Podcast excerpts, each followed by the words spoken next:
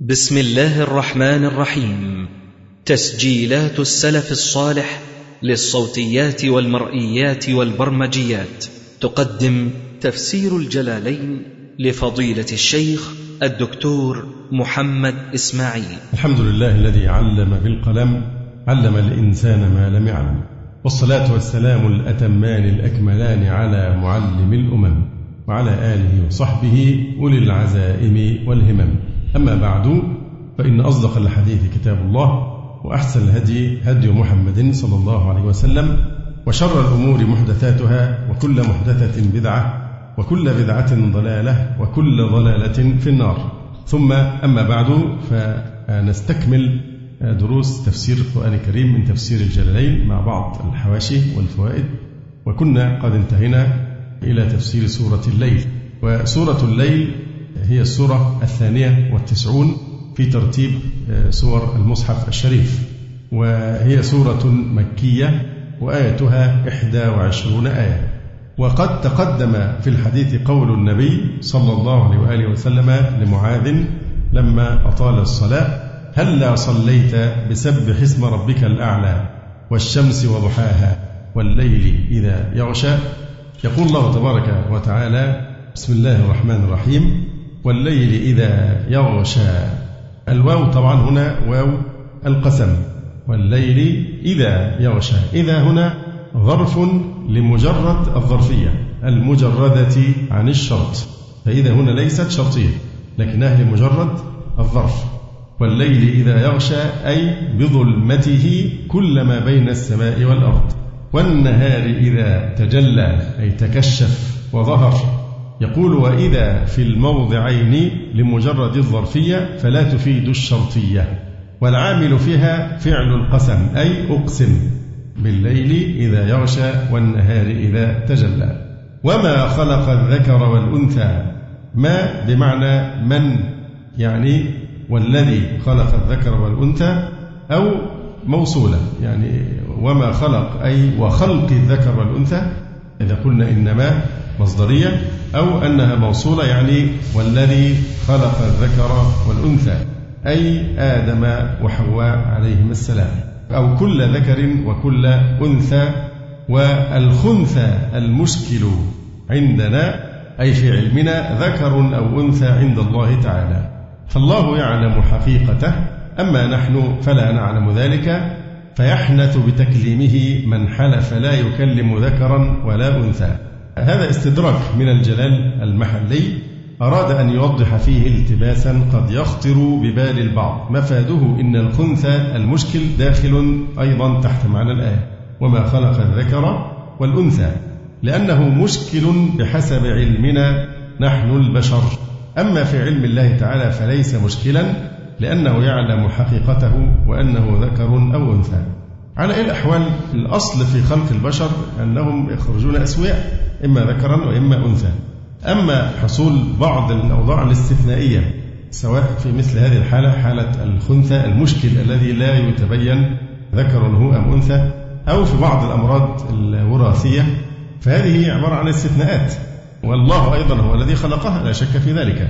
ليس هناك إشكال. هذه الاستثناءات هي تلفت نظر البشر إلى أن أمور الخلق تسير بإرادة إرادة الله سبحانه وتعالى الذي يدبر أمور خلقه والذي إذا شاء خالف هذه السنن فوجود استثناءات في في في المخلوقات عموما ليس في هذه القضية فحسب أي نوع من الاستثناءات أو الإعاقات أو التغيير في الخلق أحيانا إصبع زائدة مثلا أي نوع كل هذه عبارة عن إعلام من الله سبحانه وتعالى لعباده أن هناك إرادة مدبرة وراء خلقكم بهذه الصورة وأنه إذا شاء الله أن يستثني استثنى فهو آية على أن الله سبحانه وتعالى هو المدبر وهو الذي يحكم لا معقب لحكمه تبارك وتعالى.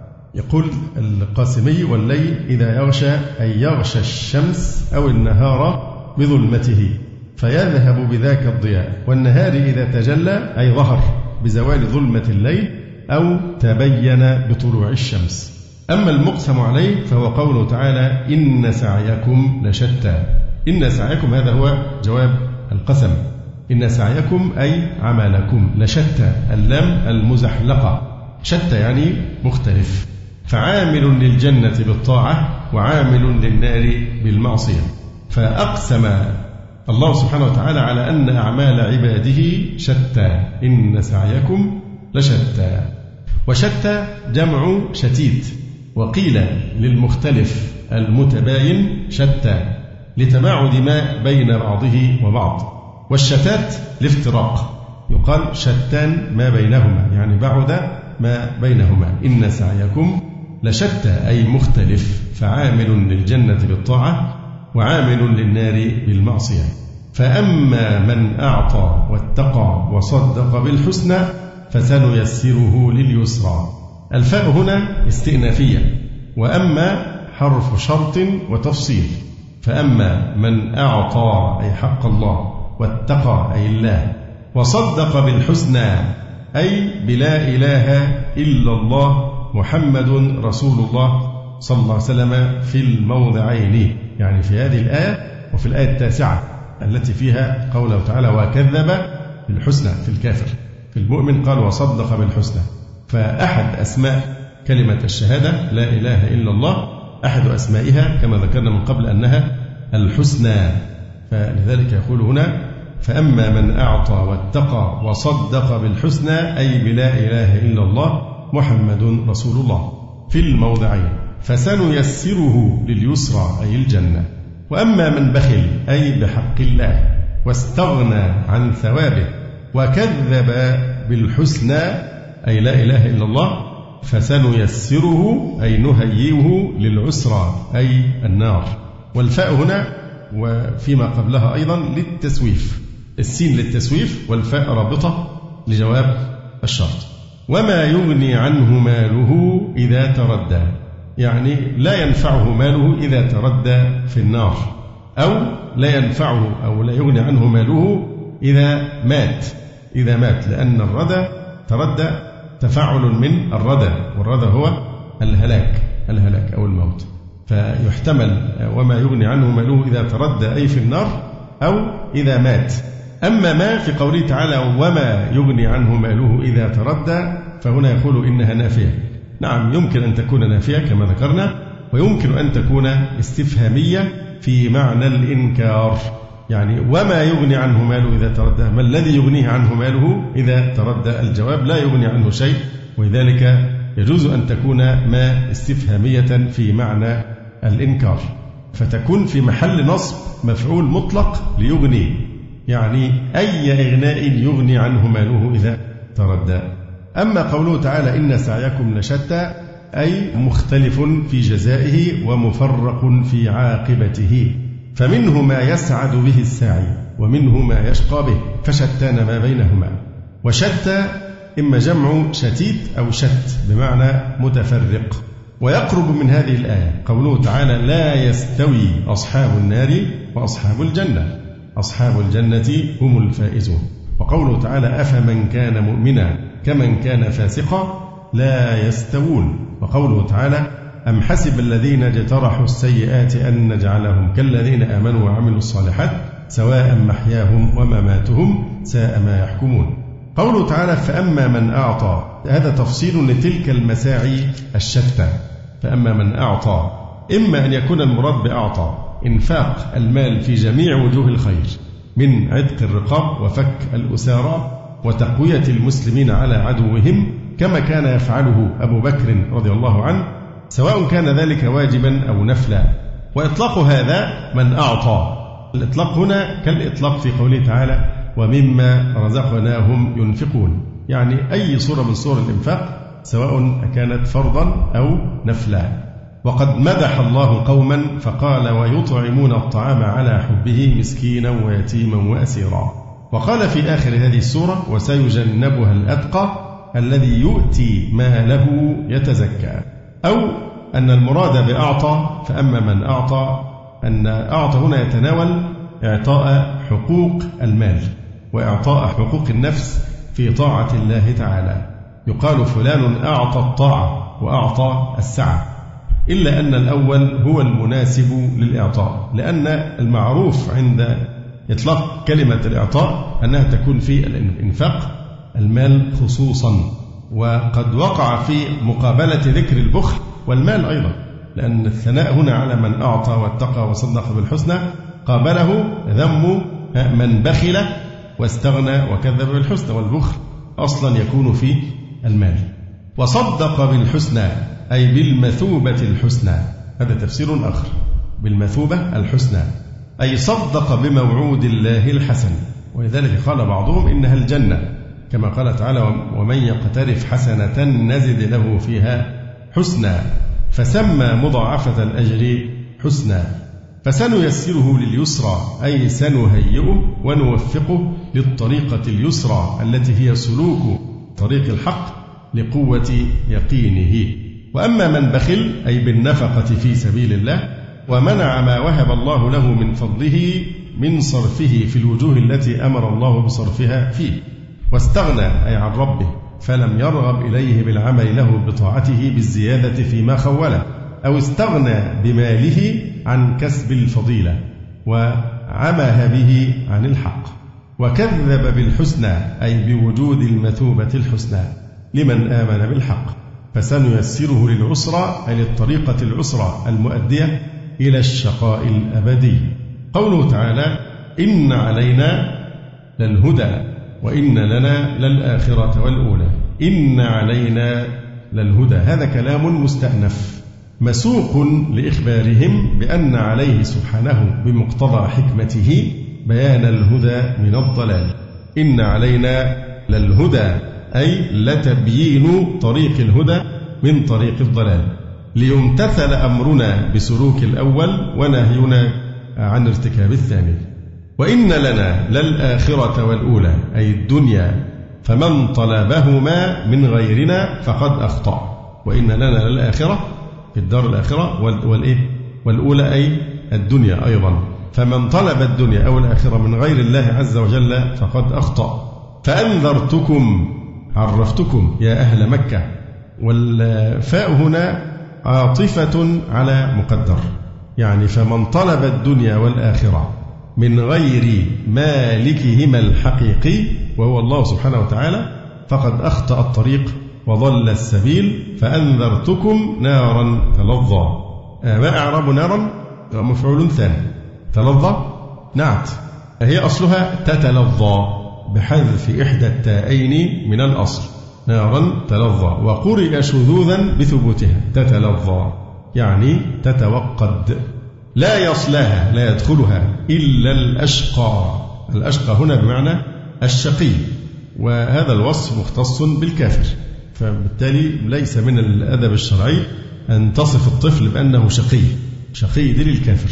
ممكن تقول مشاغب قول أي تاني حاجة لكن تقول شقي شقي إنما هو الكافر. فمنهم شقي وسعيد.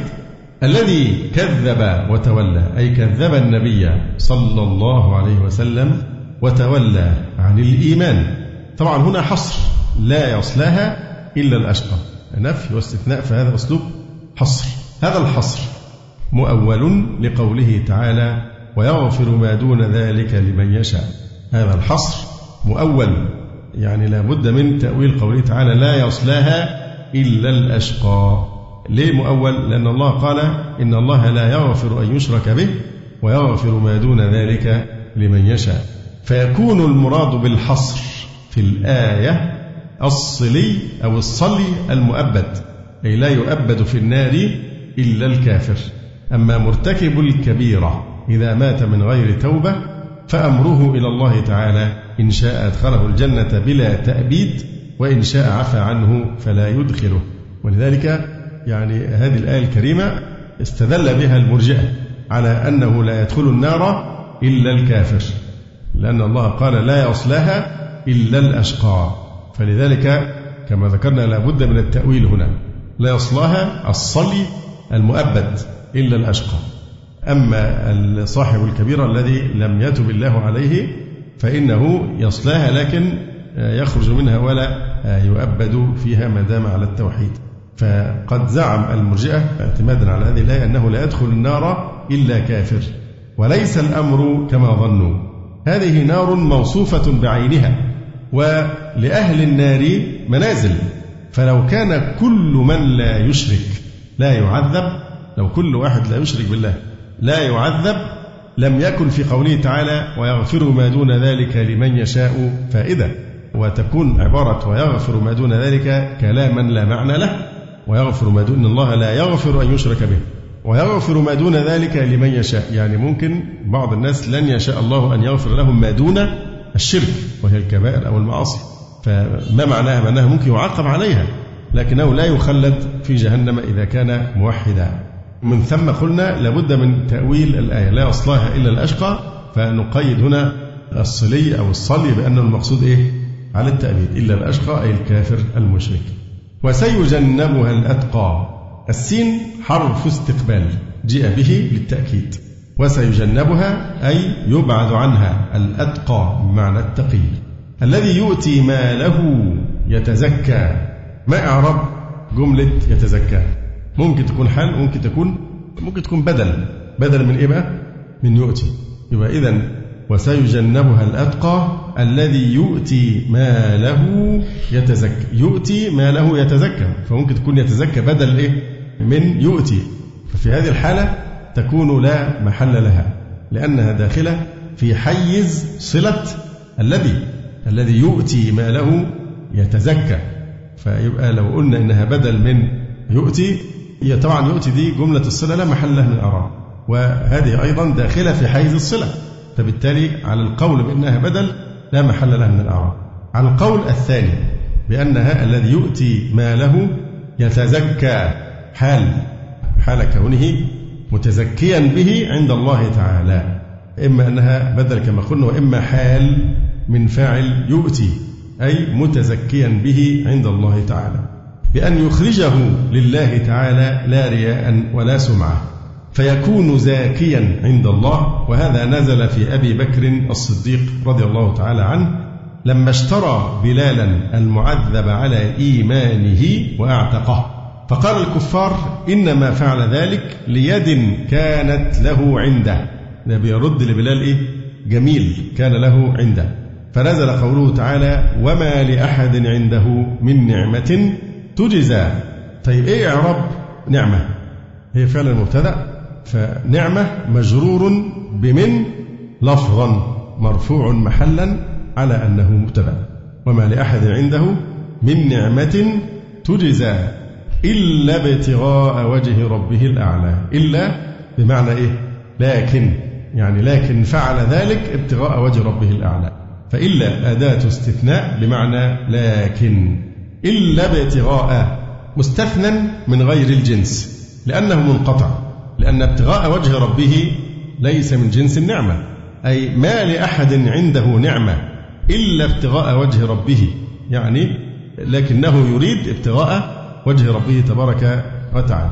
والأحسن أن يعرب ابتغاء مفعولا لأجله لأن المعنى لا يؤتي ماله إلا لابتغاء وجه ربه لا لمكافأة نعمه إلا ابتغاء أي لكن فعل ذلك ابتغاء وجه ربه الأعلى أي طلب ثواب الله. ولسوف يرضى بما يعطاه من الثواب في الجنة. والآية تشمل من فعل مثل فعله رضي الله تعالى عنه فيبعد عن النار ويثاب. نزيد بعض الفوائد في تفسير هذه السورة الكريمة. قوله تبارك وتعالى إن علينا للهدى وإن لنا للآخرة والأولى أي ملكا وخلقا فلا يضرنا توليكم عن الهدى وذلك لغناه تعالى المطلق وتفرده بملك ما في الدارين.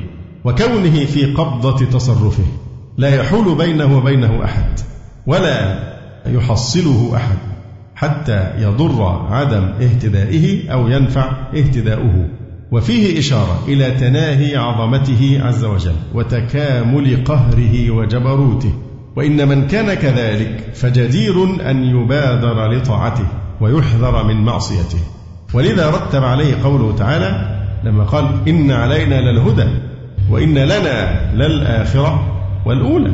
فمن كان هذا شأنه ومن كانت هذه عظمته سبحانه وتعالى فرتب عليه قوله فأنذرتكم نارا تلظى فحقه أن يبادر إلى طاعته ويحذر من معصيته. ولذلك رتب على قوله وإن لنا للآخرة والأولى قوله فأنذرتكم نارا تلظى أي تتلظى وتتوهج وهي نار الآخرة. لا يصلاها إلا الأشقى الذي كذب أي بالحق الذي جاءه وتولى أي عن آيات ربه وبراهينها التي وضح أمرها وبهر نورها عنادا وكفرا. وسيجنبها الأتقى. الأتقى هنا هو أبو بكر الصديق رضي الله تعالى عنه في قول جميع المفسرين وهو أولى الأمة بعمومها فإن لفظها لفظ العموم. لأن أبا بكر رضي الله تعالى عنه هو أفضل خلق الله بعد الأنبياء والمرسلين. فأفضل أولياء الله على الإطلاق هو آه، الصديق أبو بكر رضي الله تعالى عنه. وهذه الآيات هي في شأنه وإن كان عمومها يعم كل من اتصف بهذه الصفات الشريفة. وسيجنبها الأتقى الذي يؤتي ماله يتزكى أي ينفق ماله في سبيل الخير. يتزكى عن رجس البخل ودانس الإمساك. وما لأحد عنده من نعمة تجزى أي من يد يكافئه عليها. أي لا يؤتيه للمكافأة والمعاوضة إلا ابتغاء وجه ربه الأعلى أي لكن يؤتيه ابتغاء وجه ربه وطلب مرضاته لا لغرض آخر من مكافأة أو محمدة أو سمعة. وفي حصر الأتقى بالمنفق على الشريطة المذكورة عناية عظيمة به وترغيب شديد في اللحاق به. كيف لا؟ وبالمال قوام الأعمال ورفع مباني الرشاد وهدم صروح الفساد. ولسوف يرضى يقول ابن جرير أي ولسوف يرضى هذا المؤتي ماله في حقوق الله عز وجل. يتزكى بما يثيبه الله في الآخرة عوضا مما أتى في الدنيا في سبيله إذا لقي ربه تبارك وتعالى. ففيه وعد كريم بنيل جميع ما يبتغيه على أكمل الوجوه وأجملها إذ به يتحقق الرضا. وبعضهم قال ولسوف يرضى؟ أي ولسوف يرضى الله عن ذلك الأتقى. وإن كان الأول أنسب بالسياق. قال ابن كثير رحمه الله تعالى ذكر غير واحد من المفسرين أن هذه الآيات نزلت في أبي بكر الصديق رضي الله عنه حتى إن بعضهم حكى الإجماع من المفسرين على ذلك. ولا شك أنه داخل فيها وأولى الأمة بعمومها فإن اللفظ لفظ العموم وهو قوله تعالى وسيجنبها الأتقى الذي يؤتي ماله يتزكى وما لأحد عنده من نعمة تجزى. ولكنه مقدم الأمة وسابقهم في جميع هذه الأوصاف وسائر الأوصاف الحميدة. فإنه كان صديقا تقيا كريما جوادا بذالا لأمواله في طاعة مولاه ونصرة رسول الله صلى الله عليه وسلم. فكم من دراهم ودنانير بذلها ابتغاء وجه ربه الكريم. ولم يكن لأحد من الناس عنده منة يحتاج إلى أن يكافئه بها. ولكن كان فضله وإحسانه على السادات والرؤساء من سائر القبائل. ولهذا قال له عروة بن مسعود وهو سيد ثقيف يوم صلح الحديبية لما أغلظ له أبو بكر في الكلام قال أما والله لولا يد لك عندي لم أجزك بها لأجبتك. قال لكن هذه بتلك. فحينما قال له أبو بكر كلمة شديدة عنيفة كان يستحقها لأنه قال إني لا أرى حولك أوباشا يوشك أن يفروا ودعوك. الصحابة اللي حولك دول لا تغتر بهم دول إذا حصل الجد والقتال يفروا ودعوك. فغضب أبو بكر من هذا وقال له كلمة شديدة جدا. فقال له عروة بن مسعود أما والله لولا يد لك عندي لم أجزك بها لولا فضل علي سابق منك أنك أحسنت إلي من قبل وهذا هو الشاهد أن أبا بكر كان كثير الإحسان إلى الناس. فهذا عروة بن مسعود وهو من أشراف قريش يذكر له هذه اليد في هذا السياق. أما والله لولا يد لك عندي لم أجزك بها لأجبتك ولكن هذه بتلك. سأسكت عن الرد عليك مقابل الجميل الذي صنعته آه، لي من قبله وكان الصديق قد أغلظ له في المقالة. فإذا كان هذا حاله مع سادات العرب ورؤساء القبائل فكيف بمن عداهم؟ وفي الصحيحين أن رسول الله صلى الله عليه وآله وسلم قال من أنفق زوجين في سبيل الله دعته خزنة الجنة. يا عبد الله هذا خير. فقال أبو بكر يا رسول الله ما على من يدعى منها ضرورة؟ فهل يدعى منها كلها أحد؟ قال نعم وأرجو أن تكون منهم. رضي الله تعالى عنه. فأبو بكر ما نال مرتبة أفضل أولياء الله على الإطلاق إلا بعمل وسعي وكد واستحقاق. تذكرون الحديث حينما سأل النبي صلى الله عليه وسلم الصحابة فقال لو من أصبح منكم اليوم صائما؟ فقام أبو بكر قال أنا هو اضطر يجيب لأن الرسول يسأل وما أحد كان يشعر به. من أصبح منكم اليوم صائما؟ قام أبو بكر وقال أنا. قال من أطعم منكم اليوم مسكينا؟ فقام أبو بكر فقال أنا. قال من شيع منكم اليوم جنازة. فقام أبو بكر فقال أنا. ثم قال من عاد منكم اليوم مريضا. فقام أبو بكر فقال أنا. فقال النبي صلى الله عليه وسلم والذي نفسي بيده ما اجتمعت هذه الخصال في رجل في يوم إلا دخل الجنة. وتعرفون أيضا كيف أن عمر رضي الله تعالى عنه كان يسابق أبا بكر في الطاعات. وفي النهاية الأيس من أنه يدرك منزلة أبا بكر فقال والله لا أسبقك إلى شيء بعد ذلك في شيء أبدا. دائما كان سباقا إلى الخير رضي الله تعالى عنه. فأبو بكر رضي الله عنه نال مرتبة أفضل أولياء الله على الإطلاق. فأبو بكر هو أفضل البشر بعد الأنبياء عليهم السلام. ما نالها إلا بصفات وخصائص اختصه الله سبحانه وتعالى وشرفه بها. فتبا للرافضة أعداء أبي بكر وأعداء عمر الذين يبدلون نعمة الله كفرا. وبدل أن يثنوا عليهم كما أثنى الله عليهم في كتابه الكريم يتطورون عليهم بالسب واللعن ويحسبون أنهم على شيء ألا إنهم هم الخاسرون. قولوا قولي هذا واستغفر الله لي ولكم. سبحانك اللهم ربنا وبحمدك أشهد أن لا إله إلا أنت أستغفرك وأتوب إليك. جزى الله فضيلة الشيخ خير الجزاء ونسأل الله جل وعلا أن يرفع مكانة الشيخ في المهديين وأن يجعله علما من أعلام الهدى والدين.